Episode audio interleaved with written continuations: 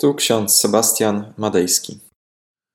Dzisiaj jest środa, 1 lutego 2023 rok. W książeczce z Biblią na co dzień otwieramy księgę proroka Zachariasza, pierwszy rozdział, trzeci werset.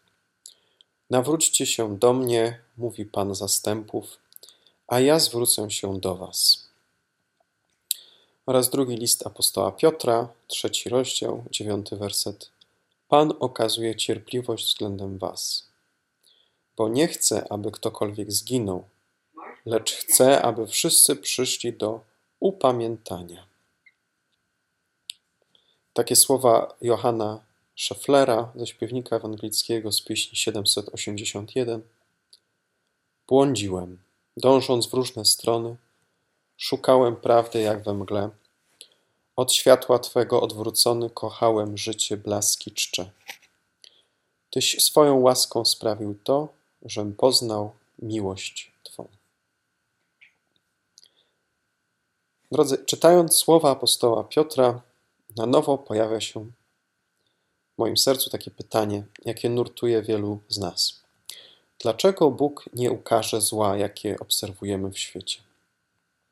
Dlaczego nie zniszczy zła tak, jak obiecał? Dlaczego pozwala na to, aby cierpienie i zło, egoizm, niesprawiedliwość, podstęp i kłamstwo miały miejsce także i w naszym życiu? Dlaczego Bóg nie przyjdzie i nie ześle potopu na to miasto, na tego człowieka, który jest winien tak wielu podziałów?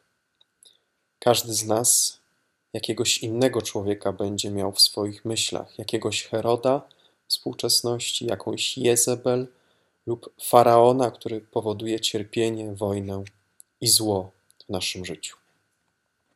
Iluż to wokół nas jest ofiar tego zła, jakie jest na świecie. Niemożliwe jest się ukryć przed nim, bo gdziekolwiek pójdziemy, tam słyszymy o wieściach wojennych, o braku pokoju, o nieustannym cierpieniu. Może trzeba będzie stanąć w końcu na zgliszczach, by odbudować coś na nowo. Trzeba będzie wykarczować chaszcze i krzaki, uprawiać glebę, pustym uczynić pole, by zasiać coś na nowo.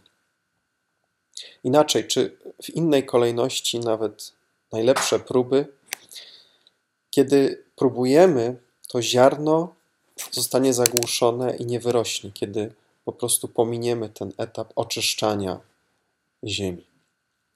Stare musi zostać zamknięte, umrzeć, by na jego miejsce rozkrzewiło się nowe.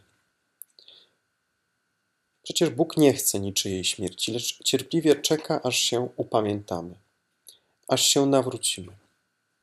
Kluczem do zrozumienia Bożego miłosierdzia jest przede wszystkim Boża cierpliwość względem wszystkich ludzi, również i względem nas. Apostoł Piotr sformułował to w takich słowach: Pan okazuje cierpliwość względem Was, bo nie chce, aby ktokolwiek zginął, lecz chce, aby wszyscy przyszli do upamiętania. I tutaj Piotr w swoim liście powołuje się na obraz potopu, obraz zagłady, ale też powołania do nowego życia. Woda jest w tej historii symbolem cierpliwości. Wody potopu spadły w nieoczekiwanym momencie na ludzkość i pozbawiły życia wielu ludzi i zwierząt. Jednak ci, którzy wsłuchali się w ostrzeżenie, ci, którzy uwierzyli Słowu Bożemu, przetrwali katastrofę. I potop przetrwają tylko ci, którzy w odpowiednim momencie schronią się do arki. Czym jest arka? Ona jest symbolem Chrystusa. W niej znajdują bezpieczne schronienie wszyscy wierzący Słowu Bożemu. Przypomnijmy, co się działo po tym, jak Noe i jego rodzina wiele tygodni dryfowali w arce. Tracili nadzieję, że jeszcze ujrzą stały grunt. I być może ty też jesteś w Chrystusie, jesteś ochrzczona lub ochrzczony, ale gdzieś w twoim życiu brakuje nadziei, brakuje cierpliwości. Ale przypomnij sobie o Noe i jego rodzinie. Cierpliwie czekali i wpatrywali się w horyzont, szukali stałego lądu. Z nami też jest podobnie. Często jesteśmy jak takie wzburzone morze, jak fale, które nie mogą się uspokoić, ale ci, którzy wytrwale będą czekać, odnajdą pokój i stały ląd. Jest pewna historia o mistrzu i uczniu. Mistrz chciał nauczyć ucznia cierpliwości. Wysłał go po wodę do jeziora. Kiedy uczeń zbliżył się, przebiegło przez to bajoro, bo to było takie małe jeziorko, stado wołów. Woda stała się nagle mętna i błotnista, nie nadająca się do picia. Nie mogę dać do picia takiej wody mojemu mistrzowi, pomyślał sobie uczeń.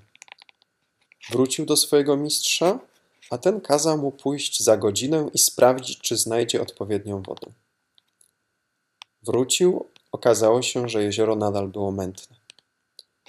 Potem jeszcze raz i jeszcze raz, aż woda przestała być mętna. Uczeń wtedy dopiero zauważył, że woda wygląda na krystalicznie czystą. Nabrał więc trochę wody i przy, przyniósł ją swojemu mistrzowi.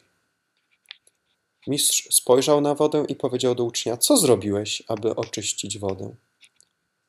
Uczeń nie zrozumiał pytania. Było oczywistym, że nic nie zrobił.